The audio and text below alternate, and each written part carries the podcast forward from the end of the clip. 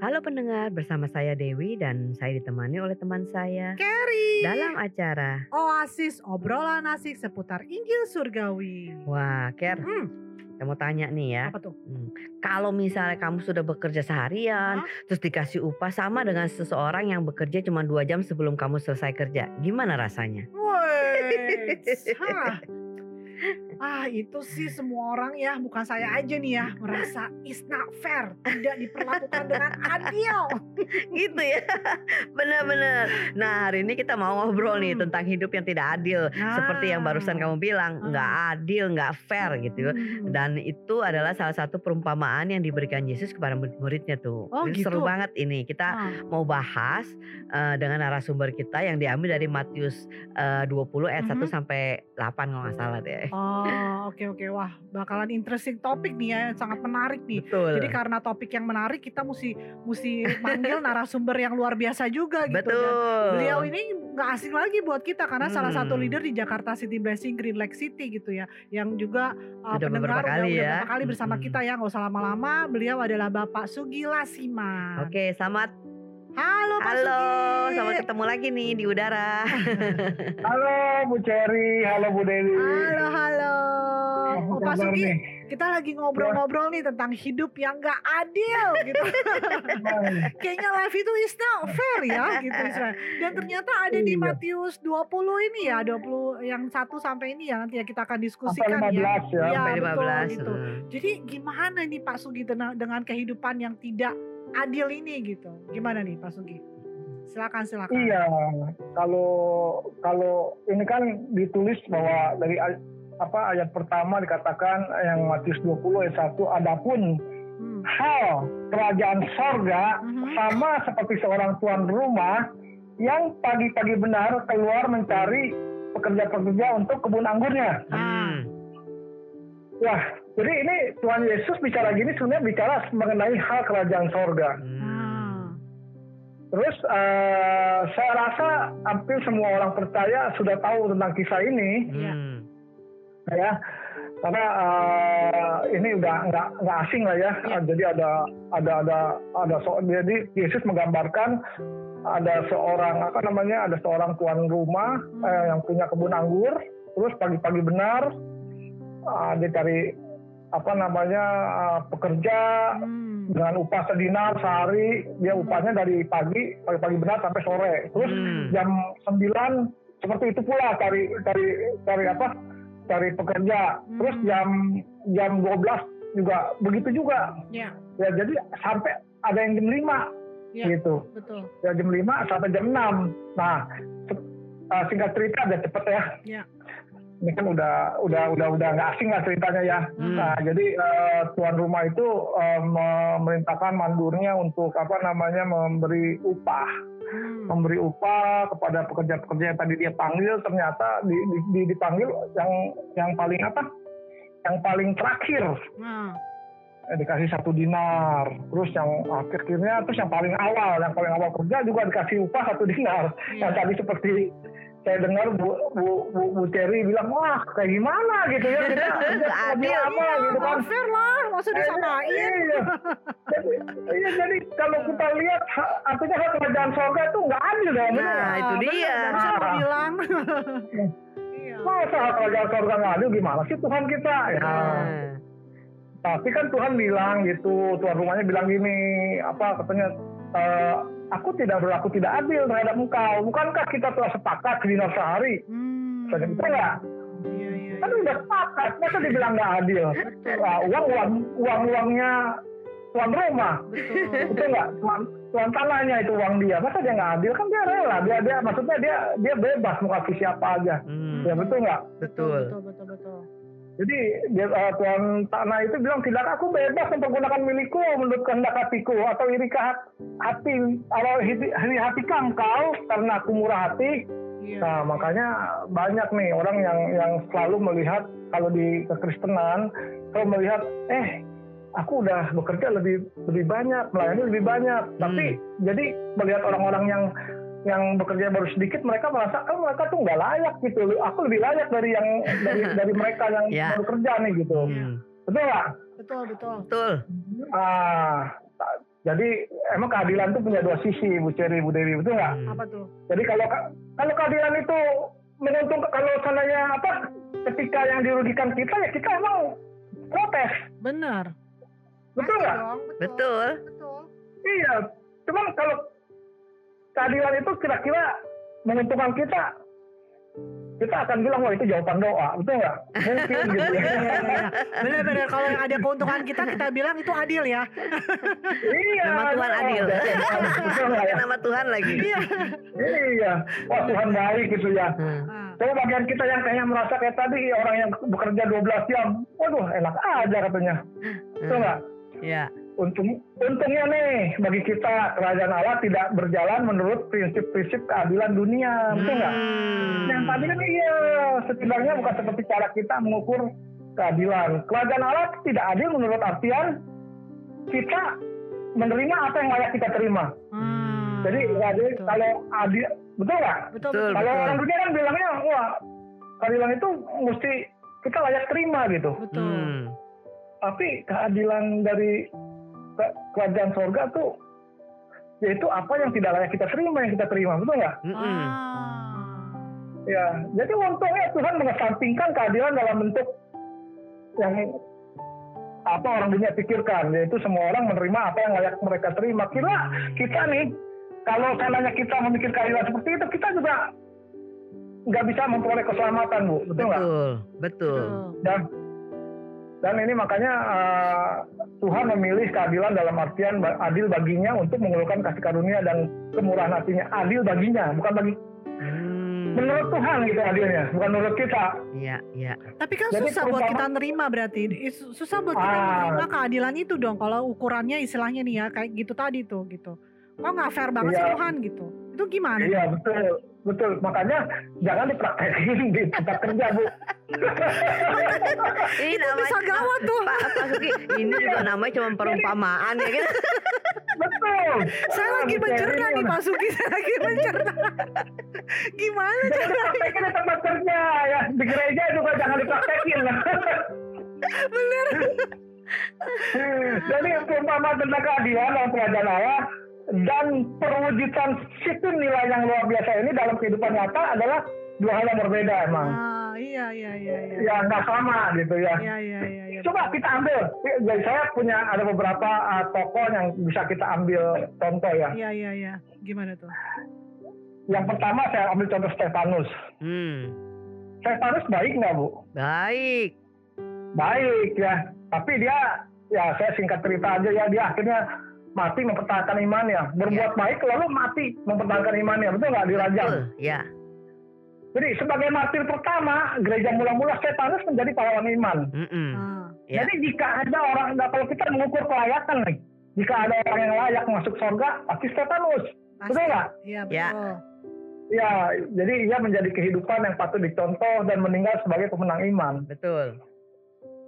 Satu, Stefanus, betul nggak? Terus yang kedua, Paulus. Halus ya. Nah, Paulus kan tadinya juga jahat tuh, suka bunuh-bunuhin orang yang percaya yang di gereja mula-mula, betul nggak? Betul. Pokoknya dia pikir tuh perbuatan dia itu baik sekali. Perbuatan dia tuh udah menurut hukum Taurat tuh baik sekali, dia sempurna melakukan. Jadi hal-hal agama yang dia yang dia dia lakukan ternyata membuat dia jahat gitu. Hmm. Nggak? Dia dia taat kan sama hukum Taurat. Dia bilang dia dalam melakukan hukum Taurat dia sangat sempurna katanya, Hmm. nggak ada cacat celah. Tapi membuat dia jahat. Masa dia bilang dia baik, dia sempurna, dia taat akan hukum Taurat, tapi bisa membunuh orang gitu. Ah. Bahkan Stefanus pun dibunuh, eh, maksudnya dia setuju Stefanus dibunuh, di Stefanus dirajam, bahkan baju Stefanus pun pakaiannya jubahnya ditaruh di kaki dia kan, Iya. Hmm. betul nggak? Ya, ya. Ah, tapi eh, untungnya, untungnya waktu dia memburu memburu orang-orang Kristen, Tuhan menangkap untuk menangkap dan menjebloskan mereka ke dalam penjara. Paulus mengalami suatu momen yang sangat menentukan. Dia berjumpa secara langsung dengan anak Tuhan, Hmm. yaitu Yesus maksudnya. Iya. Dan itu membuatnya tersadar bahwa perbuatan baiknya adalah dosa yang memilukan. Jadi perbuatan baiknya itu sebenarnya dosa, dia sadar tuh. Ah. Lalu Paulus akhirnya nyerah. Ya, ini saya singkat aja. Ah, Ia, me- ya, dia melepaskan pengandalan pada kebenaran versinya sendiri dan menerima kasih karunia Tuhan dan pengampunan Tuhan. ah, Nah, sekaligus memperoleh nama baru dari tadi tadinya siapa? Saulus ya. Ya, Saulus menjadi Paulus. Iya. Ya, dia menjadi Paulus. Kalau kita pikir kan kita nggak pernah pikir bahwa dulu dia orang yang jahat. Ah, Mm-mm. Tapi kita kita ingatnya dia orang yang baik. ah, Tapi sebenarnya kayak waktu dulu dia tuh jahat gitu karena eh, dalam separuh kehidupannya dia abdikan untuk me- apa eh, melayani Tuhan, memberitakan Injil. Jadi kita agak melupakan keburukannya atau masa masa masa lalu dia yang begitu kejam gitu ya. Iya. Terus akhirnya jadi akhirnya dia mati juga tuh. Iya. Tuh? Iya. Tidak seperti masa muda Stefanus yang relatif bersih. Kan Stefanus kan bersih kan, nggak nggak bunuh orang, nggak apa Ya, gitu kan ya. baiklah. Imannya Ya. ba- baik lah gitu ya. Tapi kan kalau Paulus kan dia penuh kekerasan, kebencian gitu. Ya. Menodai awal kehidupan Paulus. Untungnya ia hidup cukup lama dan bekerja cukup keras sehingga dosa-dosa masa lalunya bisa terhapus dari benak kebanyakan orang. ah. Nah, lalu ia diterima dalam komunitas Kristen, singkat ceritanya, dan seperti Stefanus menjadi pahlawan iman, ia menjadi apa? Menjalani separuh babak kedua hidupnya dengan keyakinan mutlak bahwa kematian akan mengantarnya ke hadirat Tuhan. Hmm. Tak peduli sekelam apa pun kehidupannya. Jadi dia dia udah percaya bahwa dia mati dia akan masuk surga gitu kan. Iya. Ya. Nah, yang ketiga nih. Yang ketiga ada penjahat yang disalib bersama Yesus. Ah. Jadi sebelum Paulus dan Stefanus jadi sorotan dalam kisah di Alkitab, ada orang lain yang imannya dalam Kristus membuat dia agak terkenal, tapi emang sih nggak disebut sebagai pahlawan iman. Tapi dia tuh terkenal juga. Kayaknya kayak kalau life ya. Iya, Bu, Bu Cherry sama sama Bu Dewi kan udah pasti tahu siapa orangnya ya. Iya. Ya, di, dikatakan gini da- dalam Lukas 22 eh, 23 ya, Hmm. Ayat 32 tuh. Dan ada juga digiring dua orang lain yaitu dua penjahat untuk dihukum mati sama bersama-sama dengan Yesus. Yesus. Dua penjahat loh, betul nggak? Betul. Jadi ketika mereka sampai di tempat yang berapi tengkorak, mereka menyalibkan Yesus di situ dan juga kedua orang penjahat itu yang seorang di sebelah kanannya dan yang lain di sebelah kirinya. Ah. Tahu nggak? Ibu tahu nggak namanya? Enggak, Nggak disebutin. Enggak ya? enggak. Ya, nanti kalau ibu tahu bilang sama saya dapat sepeda. emang, emang disebutin ya? Oh, enggak, enggak, enggak, enggak, enggak. Itu kalau kita Makanya, masih cari iya sepeda melayang. Iya. Jadi eh, seorang dari penjahat. Jadi saya bacakan ini biar biar biar kita bisa dengar semua ya. Jadi seorang dari penjahat yang digantung itu menghujat dia katanya, menghujat Yesus maksudnya. Ya. Bukankah kau adalah Kristus, selamatkan dirimu dan kami. Tetapi seorang menegur dia berkatanya, tidakkah engkau takut juga tidak kepada Allah sedang engkau menerima hukuman yang hukuman yang sama? Ah, lalu ayat pas satunya di dari Lukas 23 ini berkata, kita memang ingat selayaknya dihukum katanya. Hmm. Jadi kan sama seperti kita nih, Bu. Ya.